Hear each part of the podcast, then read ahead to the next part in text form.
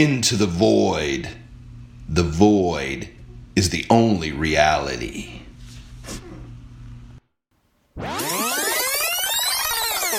Ehm, det är ju väldigt trevligt att få åka till Örebro och hälsa på. eh, och träffa Peter Babs Ahlqvist. Välkommen till Into the Void Podcast. Ja, välkommen själv till Stortorget här i Örebro. Tack.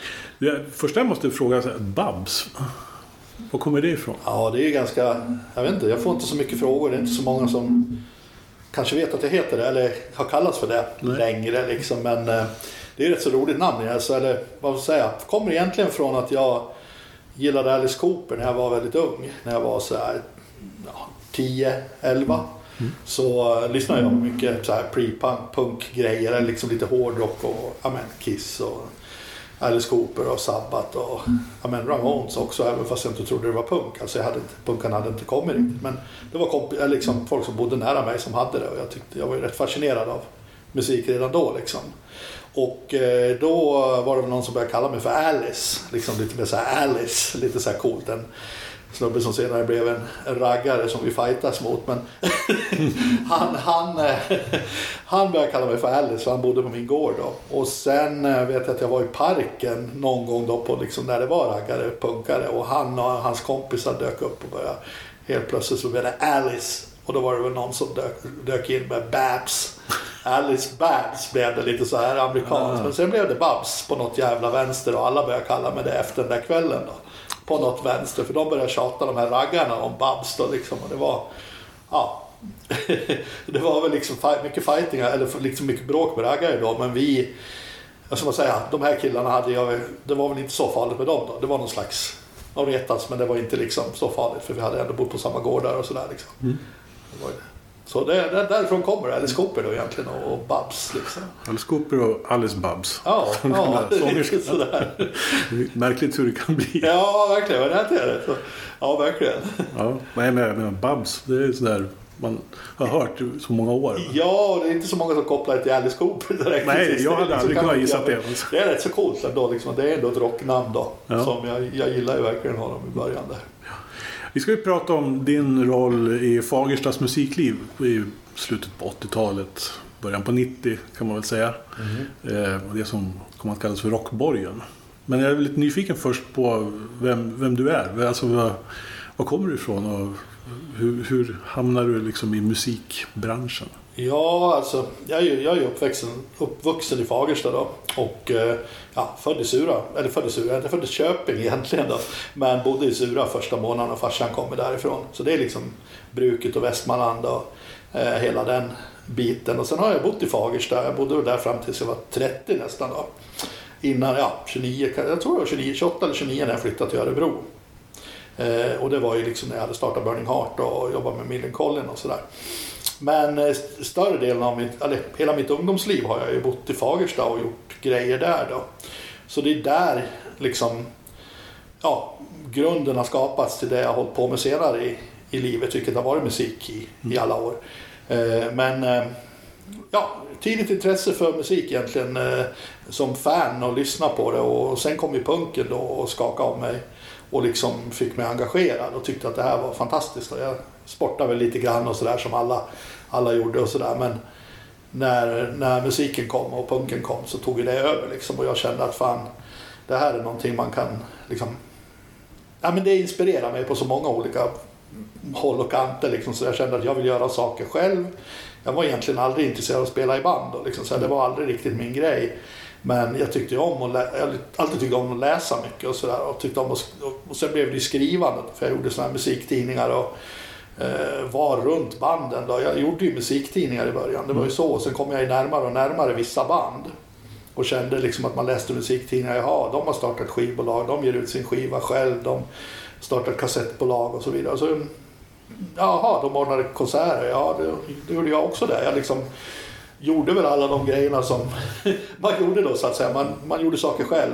Och från musiktidning till att liksom börja jobba närmare band, ge ut skiva, börja ordna konserter och fick ett kontaktnät helt enkelt med, med Sverige och sen även då utomlands. Då. Så det är därifrån det kommer, liksom en punk, eh, punkgrej och do it yourself egentligen och som, som är den stora grejen. Vad var det i punken som attraherade Peter på den tiden? Ja, men alltså jag tyckte väl att det var häftigt. Jag hade ju liksom växt upp med så här Kiss och Sweet och tyckte att det var lite Runaways och allt vad det var. Det var lite så här eh, okej, man vad heter det, tidningen Okej som Ja. fanns då som man läste och sen kom punken och det var lite, lite extra uppseendeväckande liksom och det tyckte man väl var rätt så fränt sådär liksom att det är klart att musik jag men, jag, det gillar man när man var ung då, att det skulle vara lite tuffare och sådär. Och sen kom ju punken då som var, var ett steg värre liksom musikaliskt och jag även hade texter som var liksom lite mer, på något sätt väckte ju, fanns ju texterna med där hela tiden och eh, att man börjar liksom då ja, man börjar väl hitta sig själv och börjar liksom på något sätt söka sig liksom till någonting, någonting eget. Då. Mm. Alltså, jag har väl alltid varit så att jag liksom varit ganska lite av en ensam varg men samtidigt ganska social tror jag. Men jag har liksom alltid det där, jag går min egen väg liksom. Och det var ju liksom, punken var ju verkligen det och jag började liksom ganska vett, vad ska man säga, vettgirig nyfiken så här på liksom, och allt, ofta ner på biblioteket när jag var ung och satt där och läste böcker om både det ena och det andra och sen då kom punken och musiken och det blev någonting och sätta tänderna i liksom så här, både musikaliskt och liksom att jag läste mycket om och tyckte att det var det häftigaste som fanns. Då, liksom. Mm. Tänker, hur var det att växa upp i Fagersta? Det är ju, menar, vi pratar om en ort, norra Västmanland, tungt präglad av stålindustri, bruksort pratar vi om. Ja, Hur, det här var 70 80-tal. Ja, tidigt 70-80-tal. Och det Ja. var, jag är född 65 så jag var jag 15 när 1980. Då. Jag kommer inte ihåg det bruken allé liksom. Men det är klart att det var tungt. Det var ingenting man liksom... Man ville ju inte hamna på bruket liksom. Jag var, jag var ju liksom aldrig... Jag är ju så här, vad ska man säga, arbetarklassbakgrund. Alla i familjen är så här liksom. På något sätt. Även om det liksom inte... Föräldrarna inte jobbade på bruket så var det ändå liksom alla runt. Farmor och farfar och massa fastrar och mostrar. Alla. Liksom, och det är ju... Där ville man väl liksom inte riktigt hamna. Alltså det var väl inte så... Men det fanns ju liksom ett motstånd i att hamna på bruket. Liksom. Det, det var ju så. Och någonstans så var det också en del i sökande att man ville ha någonting mer. Jag brukar liksom ofta ta upp den där, en låt som inspirerar mig. Det är så här Suicidal Tendencies, I Want More heter den. Och det sjunger de ju liksom om det att man vill ha någonting mer än det här vanliga bara. Ja. Och, och det är liksom det fostrar väl oss egentligen, många av oss punkare, att börja fundera och liksom börja göra, framförallt göra saker själv när vi bodde i en så liten ort. Att det var ju det var ju enda sättet om man skulle ha ett alternativ till sport. Givetvis att vi fick göra sakerna själva. Och det där blev ju, ja, det var ju fantastiskt egentligen att upptäcka att det faktiskt går och små saker i- egentligen att man kunde, kunde göra. Sen, sen har jag alltid varit lite så här lite, jag har ju alltid gillat lite så här, eller jag har jobbat inte jobba, men jag har liksom gillar att sitta på en kontorsstol eller vad ska man säga, sitta och jobba lite sådär själv på, framför en skrivmaskin eller en dator eller vad det är. Så jag hade, hade alltid det där i mig att jag var ganska seriös så liksom att jag var väl aldrig någon party, totalt partykille. Jo, jag festade väl rätt så hårt men liksom med teban och grabbarna och det var ju inte liksom små. Men det, men det var ändå liksom en seriös, liksom så att säga. Dagen efter så försökte jag väl sitta och jobba liksom. Sådär. Eh, men eh, det var ju någonting liksom att jag har väl alltid varit ska man säga, relativt uppstyrt och vilja göra saker då, för att inte vara liksom så vad ska man säga, bråkig eller någonting då, eller liksom eh, haft, haft hela tiden att jag vill göra någonting kreativt. Och det var ju, det var ju svårt i Fagersta, men vi skapade ju någonting själva där. Då. Ett gäng som började göra saker, släppa skivor och ordna konserter och allt vad det blev. Det ena gav det andra och vi umgicks ju i det gänget då. Så det blev ju en annan, från att ha varit vanlig, vanlig kille då, som, säga, man, som gick i skolan och skötte det någorlunda och sportade lite och kompisarna på gården så blev det ju vårat gäng på Kottmossen som det hette, alla banden repa och vi började resa ut i Sverige och vi började resa ut överallt och Ja. hela den grejen. Men om vi höjer perspektivet lite först här nu innan vi går in på själva musikgrejen i Fagersta då. Eh, musikscenen i Sverige där, slutet på 80-talet. Eh, vad hade du för bild av den? Vad var liksom, Ja, jag vet inte vilket år vi ska börja, om du säger Nej, för men- slutet av 80-talet. För vad, tycker du att vad tycker du passar att vi börjar? Ja, vi börjar ju liksom med det här med... Alltså jag hade ju ett skivbolag på, på 84-85 kan man säga. Jag gav ut första skivan med Crudesses tror jag, 84. En singel.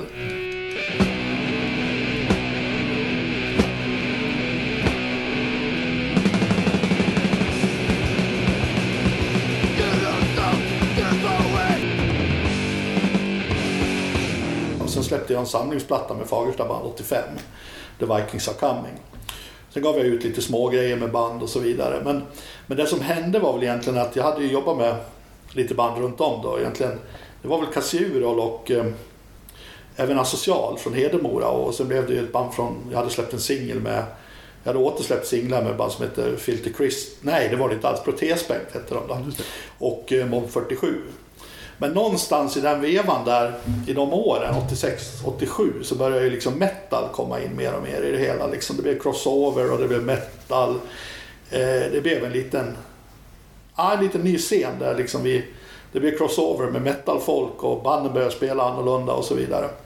Och där någonstans tror jag att det började lite mer seriöst då, liksom med att vi började, jag visste jag hade haft kontakter med utlandet förut med Crudesses och bytt skivor med hela hela världen i princip. Men då hamnade vi i den här metal, metalbiten då, så att säga. Att det var demos och det började tradas och det var uh, den scenen som samtidigt började ploppa upp då. Först via, via att vi åkte på alla konserter med Metallica och Megadeth och Testament och whatever. Uh, tuffare band också. Men, men framförallt, liksom vi, det här pratar vi liksom om trash och uh, ja, sen kom ju death metalen också då, mm. senare. Men det var ju där någonstans det formades och vi började liksom få andra kontakter och det blev lite större. Det var liksom lite mer, allting var väl egentligen lite mer kommersiellt än vad punken hade varit. Man säger så så där, där någonstans började och där, där föddes väl allt det här med, som, som, som kom till och med, med Rockborgen och festival och så vidare. Att, ja, vi, ja, att vi började någonstans där. Funderingarna på att göra större grejer. Mm. Du var engagerad i vad heter det, Tid, Tida Musik? Ja, Tida Musik. Ja, musik. Vad, vad var det för någonting? Ja, det var ju stans musikförening då och den startade, jag vet inte om den startade 79 eller 80. Jag tror det var någon sån här jubileum nyligen. Uh, det är nog 80 skulle jag tro. Eller om det är 79. Men där, det var ju liksom skapat av lite de som ville spela i band då. Det var ju liksom blueskillar eller liksom lite sådär alternativ. Inte så mycket prog men, men mm. mer blueskillar skulle jag säga. Det fanns några band. Och sen började ju några punkband spela helt enkelt i, eh, gå med i musikföreningen då ett band från Norberg som heter Terror. De bytte namn till Bizarre senare. Och sen började ju eh, så här, jag och mina killar, eller de som liksom jag hörde till och Crudesses och de skaffade replokal där. Och jag blev någon slags manager eller ja, jag hjälpte dem och skrev texter till några låtar också senare i ett visst skede. Men, eh, och sen började det komma fler och fler punkband från olika håll som började liksom så, så den föreningen blev ju ganska dominerad av punkband till slut. Mm. Det var ju det som var, ja, alla ville spela, unga, unga band och jag gav ut skiva. Och, mm. och det fanns så många andra band också men de flesta kom ju ingen, ingenstans och gjorde knappt med skivor och så utan mm. det var punkbanden som gjorde plattor. Och, eh, ja, bedröv, ja, de gjorde väl aldrig någon platta men Fear War, Bedrövlers, Riff och ja, vad fanns det mer? Det fanns flera Ugly Squads-fanor. Och sen hade vi de här Bizarre då. Så de flesta band gjorde någon form av avtryck på skivor och sådär. Och eh, ja, det var ju typ musikförening då som egentligen var till för att främst se till att lokal, eh, band hade replokaler. Ja. Och sen även då försöka ordna lite konserter och sådär. Men det var ju ingen liksom det fanns ju inget större intresse bland ungdomar för att höra på blues om man säger så, om man ska vara ärlig. Liksom, så här. Utan det var ju vi punkare som fick lite mer fart. Även om det var jävligt, när vi ordnade konserter så var det ju väldigt ja, det var enkelt och det var ganska spartanskt då egentligen. Men, men vi fick ju lite folk från, runt om från orterna att komma liksom på spelningar i fritidsgårdar och små, små ställen. Liksom så Men det var ju liksom, det började komma lite band och började hända lite där kring 84-85 började vi köra liksom. Och eh, sen var ju tidig musik då växte ju ganska mycket som förening. Det var väldigt mycket band ett tag. Och eh, hade ju riktigt bra replokaler liksom uppe på, jag vet inte om du har hört talas om Kottmossen? Ja, jo. Ja, det är ett riktigt klassiskt näste då, där vi, där vi fick dondera med våra band. Och det var ju liksom, det var ju seriöst för det gjorde ju att vi kunde skapa musik och, och hade vårt eget lilla, lilla ställe då. Men det var ju utan, vad ska man säga, riktig föräldrakontroll då. Som man tänker sig idrott så var ju vi lite mer fria. Och det var väl, det dracks väl en hel del och, men inget så här liksom det var ändå rätt så kontrollerat. Det var ju inte mycket folk som, vad jag vet så var det inga som höll på med droger liksom så direkt. Utan det är möjligt att någon rökte på någon gång där uppe. Men fan, det var väldigt lugnt om man tänker efter då. Sen spårar väl, kunde väl folk inte hantera sprit. Men det var väl en annan sak, tyckte vi då. Och sen, sen blev ju det här hela området där tidig musik var. Det blev ju Det var egentligen ett ställe där, där vi höll till och det bodde utslagna människor i gamla änkehem då egentligen. Och till slut så blev det ju väldigt urspårat. Det flyttade dit lite folk och det började brinna bilar. Mm. Våran ordförande blev, blev misshandlad eh, när han var där uppe. En gång så satt jag med en kniv mot halsen. Det kom in en kille bakom en, ja, ganska känd. Han kastade ner sin brorsa från balkongen en gång. Jag tror inte om han åkte dit för borden och var hans brorsa. Men han satt i alla fall en kniv mot halsen när jag satt och vila där. och likaså så satt jag, jag jobbade ju där ett tag också med tidig musik och var anställd några år. Jag hade, vi hade skaffat pengar via kommun eller via Allmänna arvsfonden och då, då satt jag med ett baseballträ bakom mig där under, under den perioden om man säger så.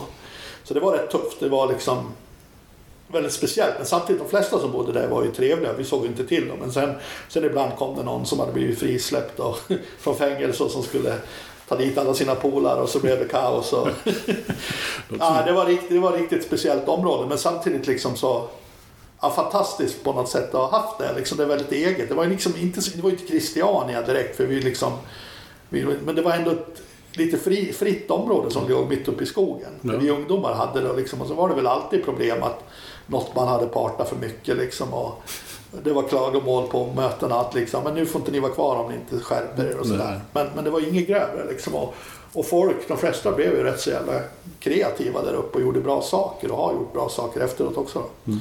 Så det, att, summa summarum var det rätt så bra. Och föreningen var jävligt, ja, det, den, det funkar rätt bra länge. Där vi, vi gjorde ju sakerna i Rockborgen och Bergslagsrocken, det var ju i regi liksom under Tidig Musiks namn då, ja. allting som gjordes. Men om vi ska prata då om det som sen blev rock, alltså Rockborgen, mm. begreppet vi har som tema här i det här avsnittet. Eh, det var ju, vad var det, en gammal biograf. Oh, gammal. Hur, liksom, hur startade allt det där? Hur, var, var kom det ifrån? Nej, vi hade egentligen då börjat leta. Liksom. Vi, vi gjorde ju lite konserter, lite smått sådär på fritidsgårdar. Och Alfagården tror jag någonting. Eh, nej, vad heter det? Nu säger jag fel. Lekladan och riktigt liten så här all, eh, vad heter det, allaktivitetssal för HSB någonstans. Liksom. Eh, men det var ju för litet och det var ju liksom inga, vi ville ju ha vårt eget ställe. Liksom så här. Och sen började vi väl jobba på det då, liksom, och, och, det var ju mer punkfalangen som jobbade hårt på det. Och jag var ju drivande i hela det här med kontakterna med kommun och liksom med NTO och så vidare och sådana här grejer. Då. Eh, och sen till slut så vet jag inte, jag kommer inte ihåg, vi fick ju hyra det där, vi fick ju vara där och hade någon någon form av hyresavtal tror jag med, med NTO Biograf då, som hade lagt ner. Mm. Och huset var ju liksom i NTO, NTOs ägo. Det fanns ju fortfarande en förening som det här nykterhets, men det hände ju ingenting. Liksom. De hade ju bara ett hus där de hyrde ut. Så det var väl någon annan verksamhet i någon liten lokal nedanför liksom, så här, som de hade ibland. Då. Men vi hade ju själva biografen och lite, lite utrymme. Men vi, hade ju egentligen, vi hyrde egentligen bara det när vi, när vi hade konserter. Och när vi, liksom, vi var bara där inför konserterna och när vi gjorde ordning inför konserter och sådär. Så det var inget, det var ingen all, aktivitetshus utan så det var. Och det var jävligt coolt för det var det var en perfekt lokal tyckte vi. Vi fick ju det, jag kommer inte ihåg hela kampen hur lång tid det tog men på något sätt fick vi vara där och det skulle vara drogfritt och det skulle vara ja, vi, och så fick vi pengar för att rusta i ordning det där då. Eh, jag vet inte om det var från kommunen eller någonting annat vi sökte. Men vi rustade upp det ganska, ganska okej okay ändå. Då, liksom. Och det var ju fantastiskt bra redan från början så vi behövde inte göra så mycket. Det blev, vi rev bort biostolarna liksom. Och eh, golvet var sluttande och ja, väldigt bra för att se band då, liksom, eftersom det sluttade uppåt mm. och inte varken för mycket eller för lite. Det var liksom ruskigt bra på det sättet. Sen, sen, var det ju inte liksom totalt perfekt. Det är inget sånt där ställe. Det var inte anpassat liksom för för musik. Men vi fick ändå, det var ändå rätt schysst, bra scen och bra ljud och sådär. Relativt bra ljud liksom. Så, mm. så sen körde vi igång och började boka band då. Jag kommer fan inte ihåg vad första var. Det var mm. en Sato-konsert som var första eller det var. Okay. Jag tror det var någonting annat sådär men det var i början så, så var det ju liksom föreningen och vi som vi skulle ha ett ställe som funkar för alla. Och där liksom vi försökte boka band som var lite populära trodde vi så här liksom. Alltså, I Kontaktnät, jag vet inte om du känner till Kontaktnät, var ju en musikorganisation som, ja, det finns väl fortfarande tror jag. Ja. Men de la ju ut band på liksom, de stödde ju, man fick ju boka band mycket billigare via dem, de subventionerade. Och då bokade vi väldigt mycket band via dem i början. Eh, men jag undrar om inte Napalm Death kanske var första konserten vi körde. Det var i alla fall en av de första, etta eller tvåa. Så vi ville ju hela tiden göra mer så att säga, punk och hardcore, eh, metal, grind kallas det ju då. Avancerade grejer. Alltså, men vi då var liksom en, vi fick kompromissa med, med föreningen och de, alla medlemmar och liksom ta lite band som var lite mer så här allmänna.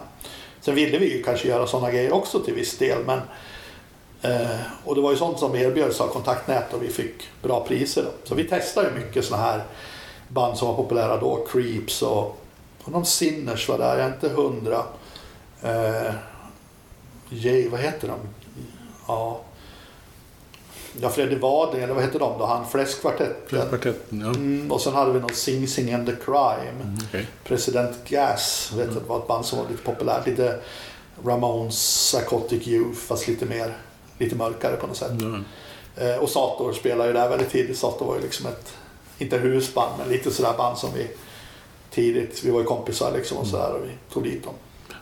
Men sen blev det väl liksom mer och mer att punken och metalen smög sig in. För vi märkte att det här funkar inte. Det är inte så stort intresse. Och vi började väl liksom, vad ska man säga, både manövrera ut föreningen och att liksom, det var ju bara vi som egentligen var intresserade av att hålla på. Det fanns ju inget större engagemang än ja, hos mig och några andra då, som var liksom mer inne på punk och sånt där. Och, och som ville vara med och jobba på grejerna. De flesta andra som spelade blues och så vidare, de hade inte gick ju inte att ta dit deras band och få någon publik. Liksom. Mm. Och de var inte så intresserade av att jobba heller. De stod ju mest och jamma och var musiker. Liksom. Men vi hade ju den här punk, punkgrejen, då, do it yourself, i oss. Liksom. Mm. Så, så vi började ju mer och mer av den, den varan. Liksom. Och sen blev det ju då att vi, vi gjorde Napalm Death och hela den här Earache-vågen kan man säga kom ju in. Och sen kom ju då svensk death metal. Eh, först var det en trash, lite av en trash-sida. Mm.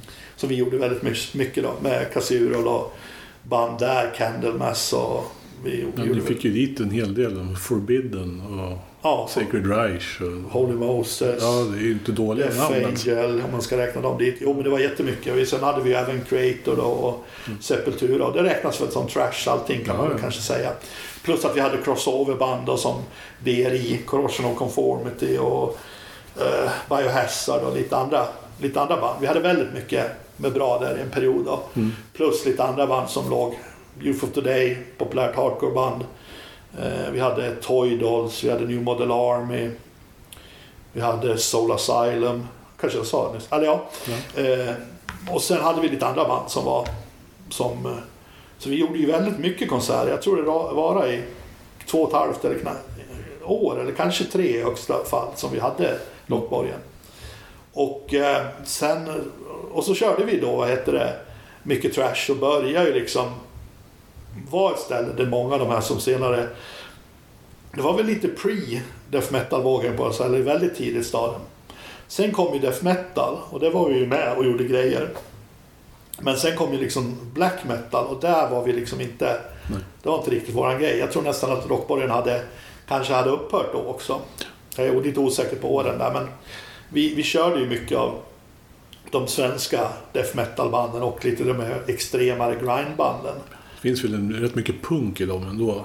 Ja. Alltså, i ren death metal och grindcore är ju någon form Ja, det finns ju en samhörighet. Punk-anda i det ändå. Ja, och Earache och alla de, de kommer ju från punkbakgrunden, ja. de som startar bolagen. Och, mm. Så det fanns ju en väldig samhörighet. Och, och så gjorde vi ju band som var, ja men, more, ja, det var ju förvisso på festivalen då, men mm. det, det, var mest det vi gjorde. Det var ju de som gick bäst, alla de här metal-grejerna. För då reste ju folk från hela, hela Sverige, ibland från Norge och Finland och så vidare för att, för att se banden. Då. Vi gjorde ju exklusiva grejer ibland där, där vi flög in band och vissa där det liksom var enda Sverigespelningen eller i annat fall så spelar man i Malmö kanske också då. Mm. Men Fagersta kunde vara enda Sverigespelningen ibland. Ja, ja. Vad, sa banden när de blev utkörda i, skogen någonstans? ja, jag, jag funderar på det lite. Jag, jag, jag hade inte så mycket... Jag pratade mest med turnéledare och vannen. Sen var det ju, fick jag, jag var ju lite så allt i allo. Det var ju ändå jag som var, vad ska man säga, eh, vad kallas det för? Eh, ansvarig på plats, eller vad ska man säga? Som, tog hand om det första så att säga. Men sen hade man ju folk som jobbade med Olle. Så jag, jag snackade ju aldrig jättemycket med banden sådär rent generellt. Utan jag sprang runt och hade, fick kasta ut någon eller Hundra andra saker. säga till nu måste vi ha mackor eller nu måste vi fan städa upp den här spyan. Eller? Ja, ja. Så, så det var mycket. Ibland var det så smockat så man kom ju inte in heller. Liksom. Det var liksom så fullt där inne. Vi hade ju, 350 fick vi ta in. Jag tror vi hade 580 en gång. Mm. Så det var inte roligt. Alltså det var ju roligt men det var... jag kom knappt in och såg banden som spelade. Jag tror det var Creator då liksom. Nej men jag tror att banden tyckte det var ganska häftigt. Eller jag vet inte. Eh, Det var i alla fall bra konserter för det var ju fullt och det var ett jävla liksom, det var ju mitt i det här när det var sånt när det började blomma upp liksom. Ja.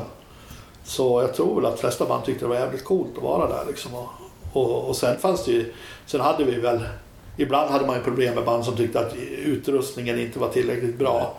Det var ju ändå, vi bodde ju ändå i Fagersta, vi hade, ja det var krylla väl inte av ljudtek, alltså vi hade ju ganska bra grejer, relativt bra grejer. Men ibland så räckte det inte kanske till om Nej. de är lite kräsnare. Och, ja, så, men, men eh, rent generellt så kände jag att det var väldigt, nog var väldigt omtyckt ställe och så att säga. Det var det. Har du några sådana här spelningar som du minns extra väl? Som du kanske är extra nöjd med? Eller vad man ska säga. Ja, men det är ju Creator, de här spelningarna och Sepultura då. Jag tror om det var på samma spel. Nej, det var Sodom och Sepultura. Eh, de var ju bra. Eh, och, och det var väl Creator som var jävligt rolig för att vi var ju ner under scengolvet. Vi trodde att hela golvet skulle braka för att det var så mycket folk. Och vi gick ju under huset. Det fanns ju en, en halvgrund så här, man ska säga. Så vi kom ju under och där var det liksom stagat liksom så här. Och man bara såg hur det skakade. Vi var ju livrädda och tänkte shit, shit, nu blir det ju någonting här nu med liksom med brandmyndigheten och allting. Och vad händer någonting nu så här vi Ja, då var det svettigt liksom att man började inse att det här kanske inte är så bra att släppa in så här mycket folk. Det här är liksom, men vi var ganska unga då så vi, ja.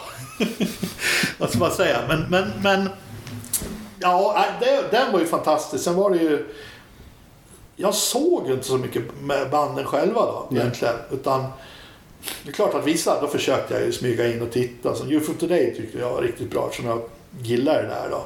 Men sen gillar jag ju liksom Biohazard var ju ruskigt bra.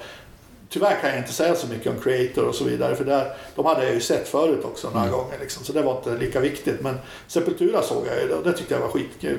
Jättebra liksom, just för att det var ett nytt band och när skivan hade kommit ut så var ju de, ja de var ju sin topp då tyckte jag, Mm. bästa skivan.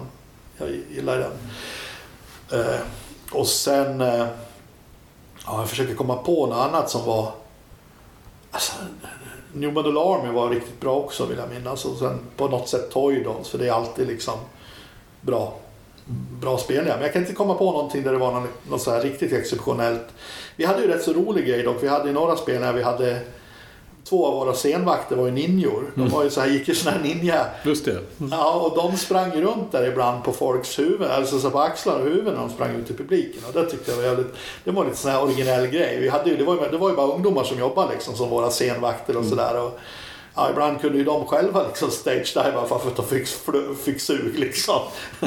men, men, eh, och då de här killarna som var lite ninja, de kunde ju springa ibland på folks axlar och liksom sen upp på scen igen. Det var liksom, det var, det var väl liksom, nej men det var väl lite av en grej. De gjorde det väl ett par gånger och sen liksom lite för showande. Men, nej men kul, bra period, kul period överhuvudtaget. Sen var det ju mycket spelningar som inte gick så bra också där vi liksom inte hade mycket folk. Så det var ju, det var ju, det var ju berg och dalbana med, med pengar givetvis. Och Ja, ja. Ingenting någon blev fet på föreningen och vi hade ju ruskigt billiga biljetter. Och, eh, så det var ju liksom varannan spelning kunde det gå vinst och nästa spelning då var det jävligt mycket back och så fick man söka pengar från kommun. Och, så det var ju liksom en... Det var ju inte någon ekonomisk tanke bakom något större liksom så här, utan vi försökte ju. Och gick ju ganska bra liksom. Och sen, men sen kunde man, det var lite svettigt efter vissa spelningar. Shit, nu gick ju så här mycket back liksom. Ja, ja. Så att, eh, ja. Hade du några sådana här spelningar som du hade på gång men som aldrig blev av? Som du, så Ja, de är nästan roligast. då. Ja, jag tänkte säga ihåg att de är mest legendariska. Nej, men som, jo, men det är ju, vi hade ju... De, de mesta, de bästa som inte blev av, det var en gång när Henry Rollins skulle komma på spoken word. Men han orkade inte åka upp till Örebro så han hittade på någonting att det var någonting med tåget. Så han stannade kvar i Göteborg eller Lund eller vad han var. Okej. Men vi- han skulle komma till Fagersta på en söndag. Det hade inte blivit, en, det hade inte blivit många liksom. Nej. Så det kom ju en litet gäng men det hade blivit Ja, rätt så liten tillställning. Eh, sen hade vi, det som jag tycker saknar mest, det är väl liksom det som inte, synd att det inte blev det var ju Poison Idea som vi hade bokat en gång. Och eh, även då förstås, eh, nej men det tror jag inte var i Rockborgen. Det var nog när vi hade bo- bokat Body Count och Exodus och det inte blev av. Okej. Det var ju en riktig, liksom så här, det var ju mycket strul om body count och texter då och sådär. Det ställde han in turnén för att det var för mycket jidder om det där av någon anledning. Eh, han fick inte spela i England och sådär tror jag det var någonting och då ställde han in hela turnén. Men det är väl de konserterna som är mest sådär, ja synd att de inte blev av. Sen var det säkert andra som vi höll på att jobba på som jag inte kan komma ihåg. Liksom sådär. Men, Nej. men, för det bokas ju mycket. Jag menar till festivalen var det ju massvis av band på gång som vi var nära hela tiden men som aldrig riktigt blev av. Då. Jag antar att du sitter på en del anekdoter om eh, rockstjärnor som eh, är på besök också. Som där det händer saker, eller? Jo, jo, jo det gör jag. Men det är liksom inte, inte så farliga grejer. Jag tyckte folk skötte sig för det fanns ju inget, inte så mycket tok att göra. De hade ju liksom en, en loge där. Ja. Och den enda som var lite sådär, de flesta be- betedde sig. Det var klart att någon, någon drog någon lina kokain eller något sånt där. Någon, någon, något tyskt band, metalband eller något sånt där. Men det var ganska lite droger sådär ändå. För folk, folk på den perioden ville inte komma till Sverige och spela för det fann, gick inte att få tag på droger. Det var en orsak till att många inte ville åka upp till Sverige. De stannade i Köpenhamn liksom, gick på Christiania och spelade där.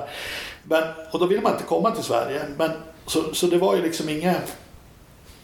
Eh, Så det var ju väldigt lugnt i loger och det som hände liksom. Eh, Och folk blev kanske lite förvånade över det när de kom upp till Sverige. Det är inte samma, det är inte samma sätt med ölkultur eller någonting. De fick ju bärs i logen och sprit, den sprit de hade på, på riden och så vidare. Men några värre utsvävningar var det inte liksom. Sen, sen, eh, sen var det kanske DRI som vi hade lite kul med och som var när DRI och Corrosion of Conformity spelade. För då hade vi ju såna här tröjor. Var lite, vi var ju väldigt inspirerade, jag och många med lite så här straight edge då liksom att vi försökte skapa en positiv liksom, ungdomskultur. Liksom att behöver inte supa för att gå på konsert. Vi tyckte att det gick rätt så bra i linje med vi försöker ändå hålla ett ställe som, som ja, där folk går dit för att ha kul och inte bara supa, supa järnet liksom. Försöka liksom. Och, och det var ju mycket, mycket inne på positiv hardcore och sånt där då. Och då körde vi med de här tröjorna. Vi, det var något straight edge band som hade kört med It's okay not to drink. Och då tryckte vi Rockborgen-tröjor med It's okay not to drink. Och, och det där tyckte DRI, det var, jag vet inte om det var trummisen eller vad han tyckte det var Ja, det var ju liksom fånigt och liksom sådär. Så han tryckte, körde väl några tröjor, de tryckte väl upp några, eller de gjorde några tröjor som de ritade själva då. Så It's okay to do heroin körde de på. Bara för att retas med oss då. Och där blev ju lite liv sådär, liksom att folk sprang omkring och var lite upprörda. Och DRI var lite, tyckte vi var lite fåniga för att vi körde med det där. Men jag tror inte de kände till svenska alkohollagar och sånt där så, så väl. Så vi, är ursäktade tror jag. Nej, men lite sådär det var.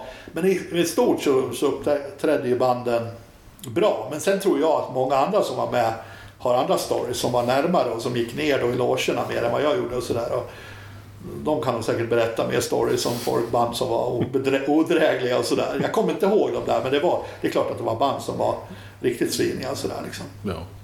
Det var det.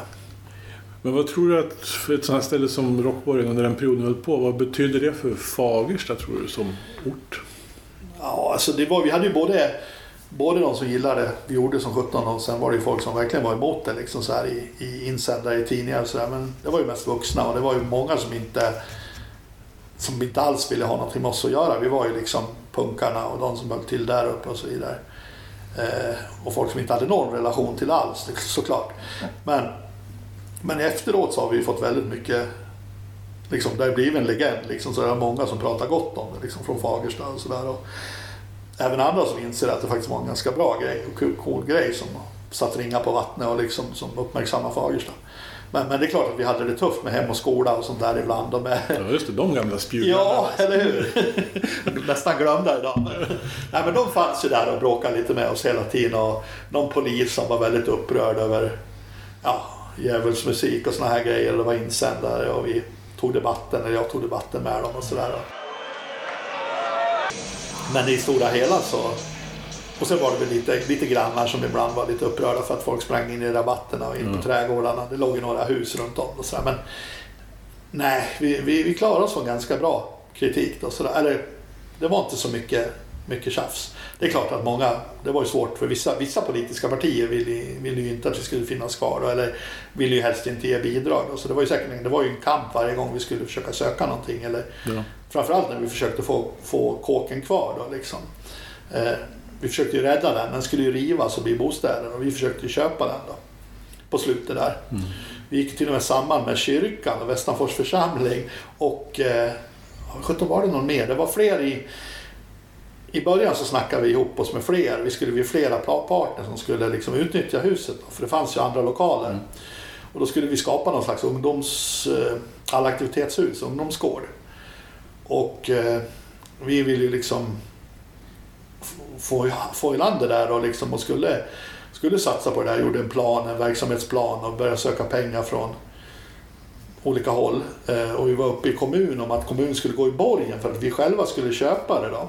Och då skulle kyrkan, Västanfors församling, vara med på något hörn. Och eh, det var ju någon ung, eh, vad- vad heter det, församlingsassistent eller någonting då som var väldigt ganska ungdomlig och liksom ganska allround om man säger så, som ville vara med liksom på något sätt. Uh, och det var ju lite främmande, lite så här, en konstig unholy alliance, vad säger man? men, men ändå liksom, vi, då, det skulle ju inte, vi skulle ju köra våra konserter som vanligt liksom och sådär. uh, och vi såg det som ett sätt att rädda det. Men vi, sen fick vi aldrig igenom det där. Liksom, det blev ju uppe i kommunfullmäktige och så vidare och diskuterade som borgen och så vidare. Men, men politikerna sa ju nej då. Och det var ju framförallt, ja vi fick ju inte sossarna på våran sida. Liksom. Det var ju, Moderaterna var ju emot det kan man ju säga. Liksom. Var, och V var ju för. Och sen sossarna valde ju till slut att liksom Ja, det vi, de ville få in oss i Folkets hus för de drog sig också med problem. Liksom att Ja. en sjunkande verksamhet, nu måste vi, här kan vi få in dem och ja, skapa pengar till oss. Så vi, och så blev det ju. Vi fick ju. De rev ju Rockborgen, eller vi fick ju liksom lämna då. Om ett år, det var 90 eller 91. 90, jag vet inte sista konserten när den var. Men vi höll ju på, tror jag, möjligen tre år, kanske två och ett halvt. Eh, och, och sen fick vi lämna. Eh, kan ha varit GBH-konsert som var den sista officiella. Eh, GBH, Anticimex och Strevers tror Ja, jag det. spelade. Jag tror det finns något klipp på Youtube från Fagersta TV väl, som är ganska långt och Ja, det utförligt. gör det. Det är en kompis som har spelat in det där. Ja. Ja. med någon stockholmare och Fagersta-kille. Som har, och den är lite så här, jag vet inte om det är någon höjdare. Men Det är ju ett dokument. över- ja, där är det. Det är inte så bra Nej. inspelat kanske, men det är ändå lite dokument. Det är synd att det inte finns mer filmat sådär. Från Jag tänkte just fråga det, alltså, vad som finns dokumenterat av allt det här som hände där? Finns det Ja, liksom... nej, det gör inte det. Inte så mycket så. Liksom, Nej. utan. Men, eh, men där försvann den då 90, 91 tror jag då. Mm. Och sen gjorde, fick vi göra någon slags deal med kommun och Folkets hus om att nu ska vi in här. Vi fick loss lite pengar. Det köptes en scen. Det köptes, eh, vad heter det? Eh, ljudisolering liksom då i form av sådana här draperi eller vad säger man. Och som fick sättas upp varje gång och så fick vi vara i en sal. Och så när vi skulle ha större konserter då fick vi hyra in oss i, i Folkets hus. Men det där blev ju liksom, det var ju för mycket overhead, eller vad säger man, kostnader runt om för att sätta upp en konsert. Och det var för krångligt med tider och, och tråkigt att hålla på att göra med, med Folkets hus också som var väldigt stelbenta då, eller vad man ska säga. I, är klart att det är en helt andra, andra regler där också med alkohol och, Ja. och inte samma stämning i lokalen för fem öre liksom. Men vi gjorde ju en massa konserter där också efteråt och i slutet på 91-92 så gjordes det ju en väldigt massa konserter också. Mycket hardcore-band då som spelade faktiskt. För det var ju för litet. Vi hade liksom, då hade Death metal-vågen var nästan inte över men då hade ju black metalen kommit. Ja. Och det var ingenting som vi var inne på alls då liksom. Det var inte många som var inne på det. Men, men så fortsatte vi väldigt mycket hardcore-konserter där nere i, i och då började det liksom då dyka upp även svenska band som började komma sen då med Refused och No Fun At All och ja. Så vi gjorde kanske, jag vet inte om vi gjorde tio konserter då. Och i samband med det så måste jag säga också det här, det hade utmynnat att vi hade startat en, en, ett ungdomsråd i Fagersta. Det här, just det här sammanslaget med kyrkan som gjorde att vi började söka pengar till ett ungdomsråd. Och då fick vi loss pengar så i det, i det huset vi var i Folkets hus, det fanns det ett källarlokal där det fanns ett ungdomsråd. Ett café som skulle ha lite olika aktiviteter och så. Och så fanns det även, vad heter det, en sal ovanför då, som vi, där vi hade konserter, som kallas för B-salen. Eh, kan ha tagit in 300 pers, kanske 250-300. Och sen högst upp så hade vi våra kontor, en kontor då för Burning Heart, eller ja, eh, för tidig musik då. Mm. Som sedermera även blev använt av Burning Heart i början på starten. Då.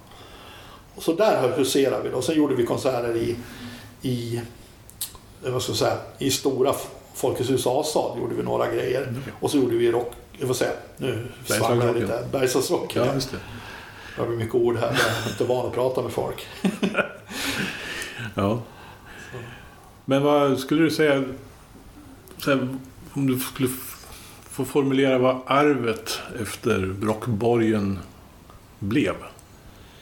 Skulle du kunna säga det på något sätt? Ja, arvet, jag menar jag tror ju att väldigt många någonstans i den perioden där och även, även Bergslagsrocken och de första åren och det vi gjorde nere där i, i B-salen och så vidare. Men jag tror ju framförallt då Rockborgen där vi ett gäng Fagersta-killar och folk som kom dit och gick på konserterna och som sen startade sina egna band. Och det var ju flera av dem som faktiskt var där då eh, och eh, såg häftiga band och fick liksom kom in i det ännu mer den vägen. Och så jag menar, någonstans så föddes väl liksom 59 times the pain och No Fun at All och andra band. Kanske lite påverkade av det som skedde då. Liksom. De var ju där på konserter, en del av dem och sådär. Och var med och jobbade vissa också då. Och sen... Eh, ja, och det, det fanns ju andra band också då som, som metalbanden som Casurol och Suffer och sådär som var med mycket kring det där. Men det födde framförallt att det kom dit och banden, då födde ju framförallt eh, de senare banden. Då. Hives vet sjutton om de någonsin var inne. Jag tror de var för unga. De, var, de hörde bara talas om det. Liksom. Ja, ja. De var på festivalen men de var aldrig på rockbaren. Liksom. Nej. Jag tror aldrig någon av dem. De var för unga helt enkelt. Ja. Men de hörde ju talas om det där och de tyckte liksom att det var häftigt och de smög omkring utanför det där. Liksom. ja. Men vad, vad tänker du då när du hör det här med att folk pratar om Rockborgen? Det är ju lite så här en legend. Ja, men jag tycker det är kul och jag tycker det är förbannat synd på ett sätt då att jag att, att det försvann eftersom det var en så bra konsertlokal i sig. Sen är det frågan hur länge vi hade kunnat klara av att hålla det där liksom. Och, eh, jag är glad, man är ju glad på andra sätt att man kommer från Fagersta och börjar starta skivbolag och sådär. Mm. Men, men det, var, det var ju roliga, legendariska konserter och en väldigt speciell period. Som, som, där det kom, åkte dit väldigt många som senare startade sina egna band, även death metal-band och andra band. Och som liksom har en relation till det där hela de åren. Liksom. Mm. Så det är, ju, det är ju riktigt roligt att det var så pass eget och före många andra. Då. Och eh, visst, det hände väl saker i, i Malmö också och så vidare, eller i Göteborg och Stockholm. Men det här var ju liksom på landsbygden då. Det var ju Ja. väldigt eget att vi, vi fick dit banden. Det, fick inga, det var inga andra som fick. Nej. Sen kom ju punk och hardcore-vågen sen på 93, 95 och så vidare. Mm. Allt vad det var. Och där var det ju mycket band som, från USA som började turnera runt i Sverige överallt. Men, men just den här death metal-våg eller trash och death metal. Den där säga. brytningstiden där är ju ganska unik ändå. Mm. När det är precis... Ja, Thrashvågen i Sverige var väl ganska kort. Det var kort ja. Ja, Den dog ju av death metal om man ja säger det är verkligen döda där. Ja, Ja, det var lite tragiskt Ja, för den var ju faktiskt lite på uppgång där 87-88. fanns det ju rätt många thrashband. Absolut, och det Så. dog totalt just för att det var inte häftigt Sen längre. kom en Och- tom då, sabba allting. Ja, lite så. Det, var, det är så det funkar lite grann. Och Ja. Jag kan säga att det var ju likadant egentligen med... Jag jobbade ju senare med liksom Millencolin och alla de här grejerna. Och någonstans där så var det ju först lite häftigt med de banden. Sen, sen blev det ju liksom... Sen kom ju Refuse till dem. Mm. Då var det ju många som vände den grejen ryggen för att det inte var tillräckligt coolt eller extremt. Då. Nej. Men samtidigt så blev ju det så pass mainstream så att det hade en stor publik. Då. Men, och sen började ju folk vända om igen och börja liksom uppskatta det för att de började... Ja, de, de tyckte, ja, men i början var det liksom just det här att det inte är tillräckligt häftigt. Va? Och så var det väl med trashen också, även om många kanske idag sitter och lyssnar på trashplattorna igen där de växte upp. Men just då var det ju inte coolt att lyssna på trash liksom. Nej, det är väl så. Man letar väl efter det mer extrema hela Ja. tiden. Så har det ju alltid funkat. Så har det alltid funkat. Så det var väl inget konstigt. Men det var lite synd för några, några av banden som var rätt så bra där. Och sen då, bara dog det ju där liksom egentligen. Det hann ju aldrig skapas någon riktig underground-scen på det sättet liksom. Nej. Som senare blev med death metal och black metal och började turnera runt i hela världen på något sätt. Det gjorde ju inga svenska trashband direkt. Nej. Men som du sa, det, var, det finns inte så mycket dokumenterat alltså i bild och ljud från det här. Nej, väldigt lite då. Det var ju, folk hade inte kameror. Eller vad säger folk Nej. hade, ingen orkade ta med sig det på fyllan liksom. Nej. Och ingen ja, telefoner och så Nej. vidare. Och så det var ju väldigt lite. Det fann, men dock så finns det ju en del konserter inspelade. Det var ju några som var sådana här tappra som spelade in Rockborgen och Bergslagsrocken. Mm. Eh, så det finns ju ganska mycket som filmer, men inte så mycket runt om. Sådär, liksom om Nej. intervjuer med vi som jobbar eller med, med, eh, med då någon sån här som vi pratade om, den här Fagersta, de här lilla dokumentärerna. Det är väldigt få mm. sådana grejer. Mm. Det finns ju några enstaka reportage i tidningar och sådär. Och, och, eh, men tyvärr väldigt lite liksom. Så men, mm. men eh, jag hoppas på... Ska, jag har faktiskt en kul grej på gång som jag hoppas ska bli av. Och jag håller faktiskt på nu med dokumentation av Rockborgen och Bergslagsrocken och Fagerstas musikliv. Mm. Eh, och jag vet inte om du har hört talas om det här? Nej. Nej. Men det här är lite sådär, vi får se om jag får fingrarna ur då. För att egentligen skulle jag väl ha kört igång det här tidigare men så har ju Corona och allt möjligt och jag hade en annan eh, det var väl lite så här, jag hade lite annat. Jag ska starta igång med skivbolaget. Jag har liksom lite dvala. Jag ska starta igång Burning Heart i början på nästa år. Och sen upptäckte jag att jag har ju lite tid här över. Jag har ju liksom hela 2019, 2020 blir mm. på mig att göra någonting. Och då började jag ju prata lite med, det var faktiskt folk från, eh, vad heter det, eh, nu står det stilla, Hembygdsgården i Fagersta mm. som, som började uppmana att borde vi inte göra någonting ihop här på Hembygdsgården för att uppmärksamma rockborgen och hela allting. Och så började jag tänka, men det vore väl kul liksom, kanske ta dit lite band och göra akustiska grejer så kanske vi kan göra konsert här och där liksom. Apropå oväntade allianser. Ja, verkligen, men det var någon, en kille där, hans fru, en kille som är punkare, hans fru ja, ja. jobbar där och hon är lite mer ungdomlig. Men vi är verkligen ohelig allians där.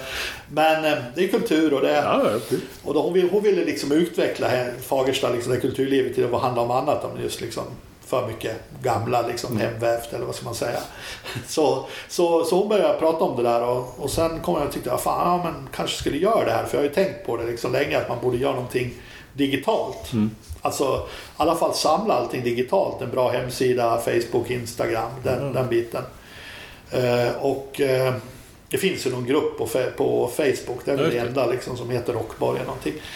Men eh, så började jag spåna om det där och sen, eh, sen har vi fått lite blodad tand på det där och nu håller jag faktiskt på med en ansökan som ska in i veckan då, för att få pengar till att göra dokumentation av digitalisera eh, och, och, lägga upp liksom Eh, en hemsida, eh, Facebook-sida, Instagram. Då.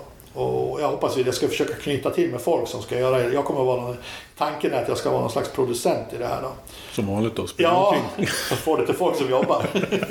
Nej, men, men tanken är att jag sitter ju på liksom mycket av kunskapen och ja. kontakterna och sådär och liksom spindeln, spindeln i nätet, vad säger man? Mm. Eh, och... Eh, så tanken är liksom att försöka hitta folk vart efter men grunden är att jag ska liksom kunna, kunna jobba med det här då liksom under, under en viss tid. Mm. Eh, för att sätta igång det här och, och ha översyn och liksom sköta, eh, sköta det. Och för, det börjar egentligen då som tanke på digitalisering men sen har det även blivit tanke på en bok då. Som är väl det stora projektet. Mm. Att göra en bok om det här. Eh, jag sitter här, fick precis, eller jag lånar, eller jag fick hemsänt det har gjorts en bok om Borlänge och musiklivet. Ja. Och så finns det en bok om Hultsfred också. Mm. Den är skriven lite mer så akademiskt, liksom, ja. en, en uppsatsgrej. Då. Men, eh, och så finns det någon gammal bok om rockborg, eller vad säger jag, rockparty. Mm. Men nu tänkte jag försöka göra någonting som handlar om den här tiden i Fagersta från 80-tal till om den hårda musiken. Då. Och jag har en kille som kommer att skriva boken lite mer och jag kommer att vara liksom mm stå för, vad ska man säga, idéerna och liksom kapitlen. Samordna det hela. Samord, ja. Och, och det är tänkt att, ja, jag hoppas det ska bli av. Jag har pratat med olika ställen där jag ska söka pengar. Då. Och eh, tanken är ju egentligen digitalisering, en bok och faktiskt en skiva också. Då, mm. med en vinylskiva med, från tidigt 80-tal till idag egentligen med mm. den hårda musiken. Då. Vi säger punk och angränsande metal. Då. Mm. Jag eh, vill inte liksom lägga in den andra musiken i det för då blir den liksom för, för splittrad och det är liksom det är egentligen det här som Fagersta är känt för, de, ja. den här typen av musik. Då. Ja. Och sen finns det faktiskt lite lösa funderingar även att göra en dokumentation, eh, filmat. Då. En kille som har gjort grejer förr och som jobbar åt TV och som är från Fagersta. Ja.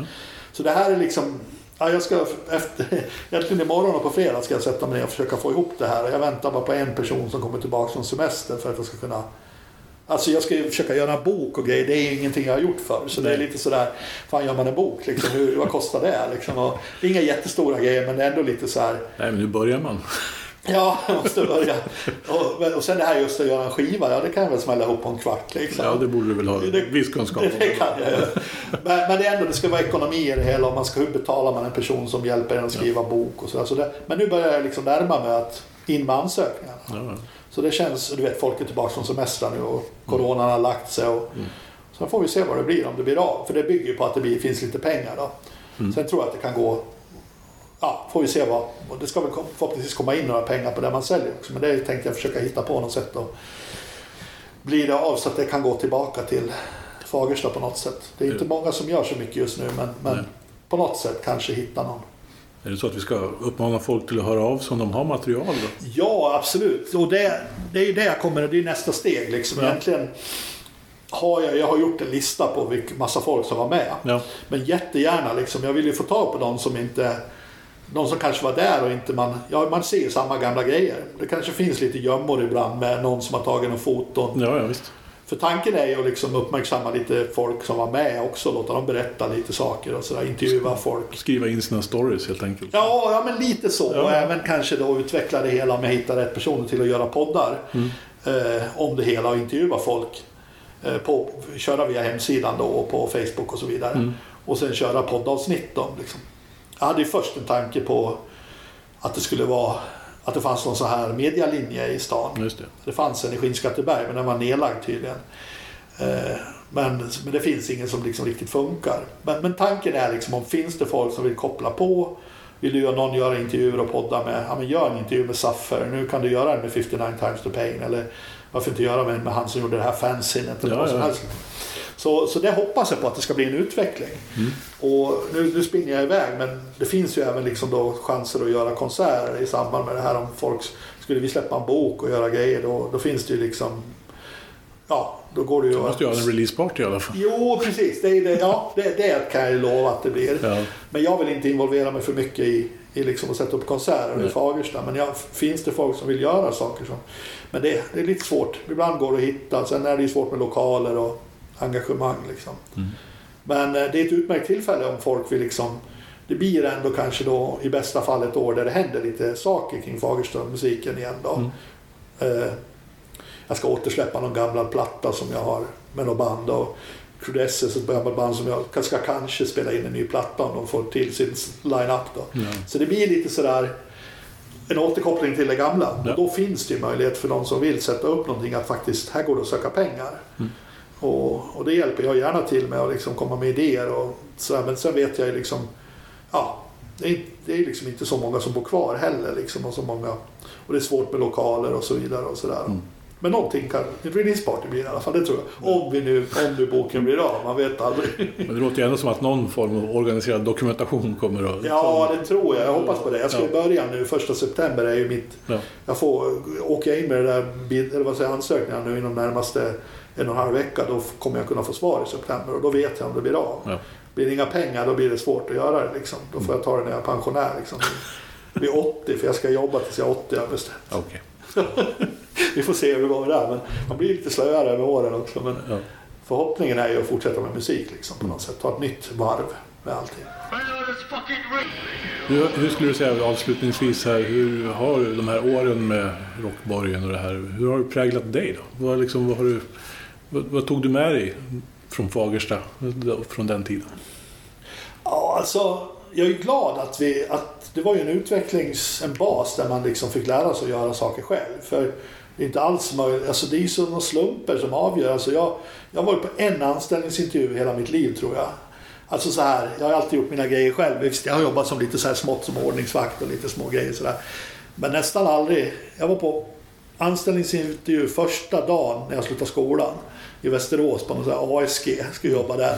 Farsan jobbade på ASG. Jag, jag hade sommarjobbat där lite så här på kontor och sådär. Då började jag tänka, fan shit om man hade hamnat där. Liksom, hur, hade, ja, men hur hade livet sett ut då liksom? Bara åka och flytta till Västerås och sen liksom, ja, liksom börja jobba ett vanligt jobb. Men det har aldrig liksom legat för mig att, att göra det. Utan jag har alltid försökt trixa mig undan. Jag har ju liksom, man hade sina ungdomslagsjobb för att man skulle kunna hålla på med musik och kunna åka ut och ja, klara sig nödvändigt. Liksom. Och eh, försökte få liksom ansökt om pengar, starta, e-, start, gick starta eget-kurser, fick starta eget bidrag, fick något projekt här och där som jag hjälpte till att söka på själv oftast. Då. Så jag har ju hankat mig fram. Och det här har ju format mig, hela den här grejen att liksom försöka göra grejer själv och mycket samarbete med kommun och studiefrämjande och även sökt från andra grejer. Då. Så det är klart att det formar mig det här att liksom, och mycket kontakter, hela punken, det här att jag satt och böt skivor med folk och köpte saker från USA och sådär.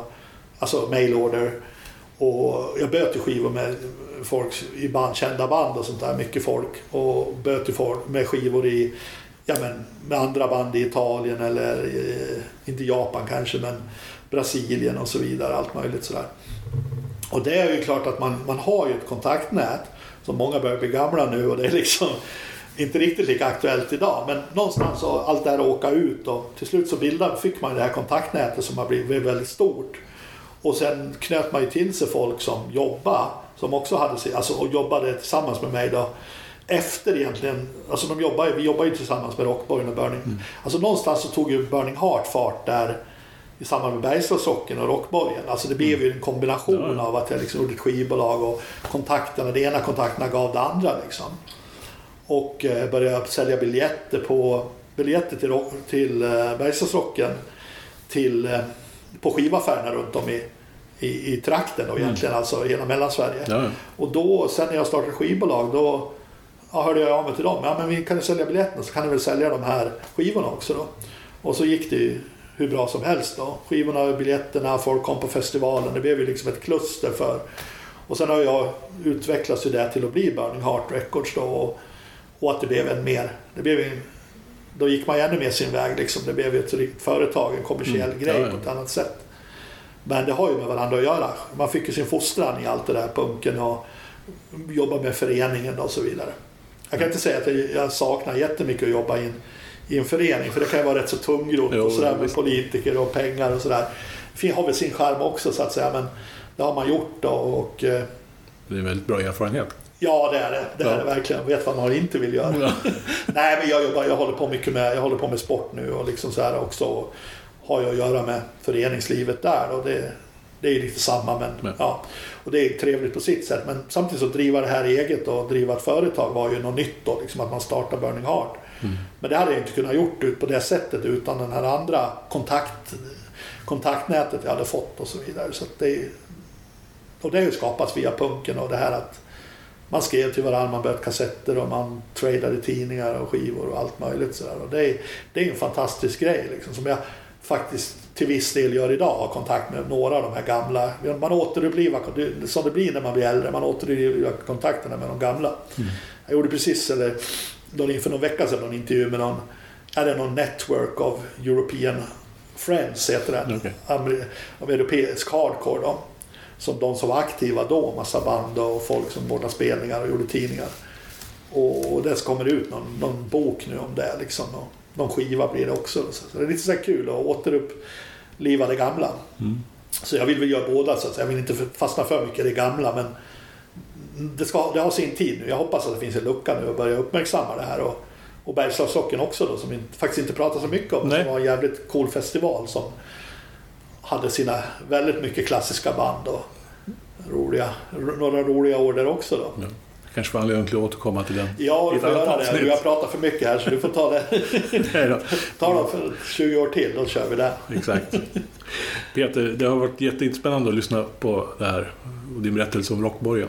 Ja. Du får tacka så mycket för att du ville vara med. Ja, det var kul. Jag ser fram emot att lyssna på det. Jag behöver höra lite metal också. Sådär. Ja.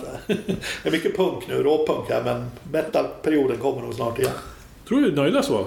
Mm, tack så du ha. Det ja, var tack. trevligt. Hey, I met you. You are not cool. I know. Even when I thought I was, I knew I wasn't. Because we are uncool. I'm glad you were home. I'm always home. I'm uncool. Me too. You're doing great. You know, the only true currency in this bankrupt world is what you share with someone else when you're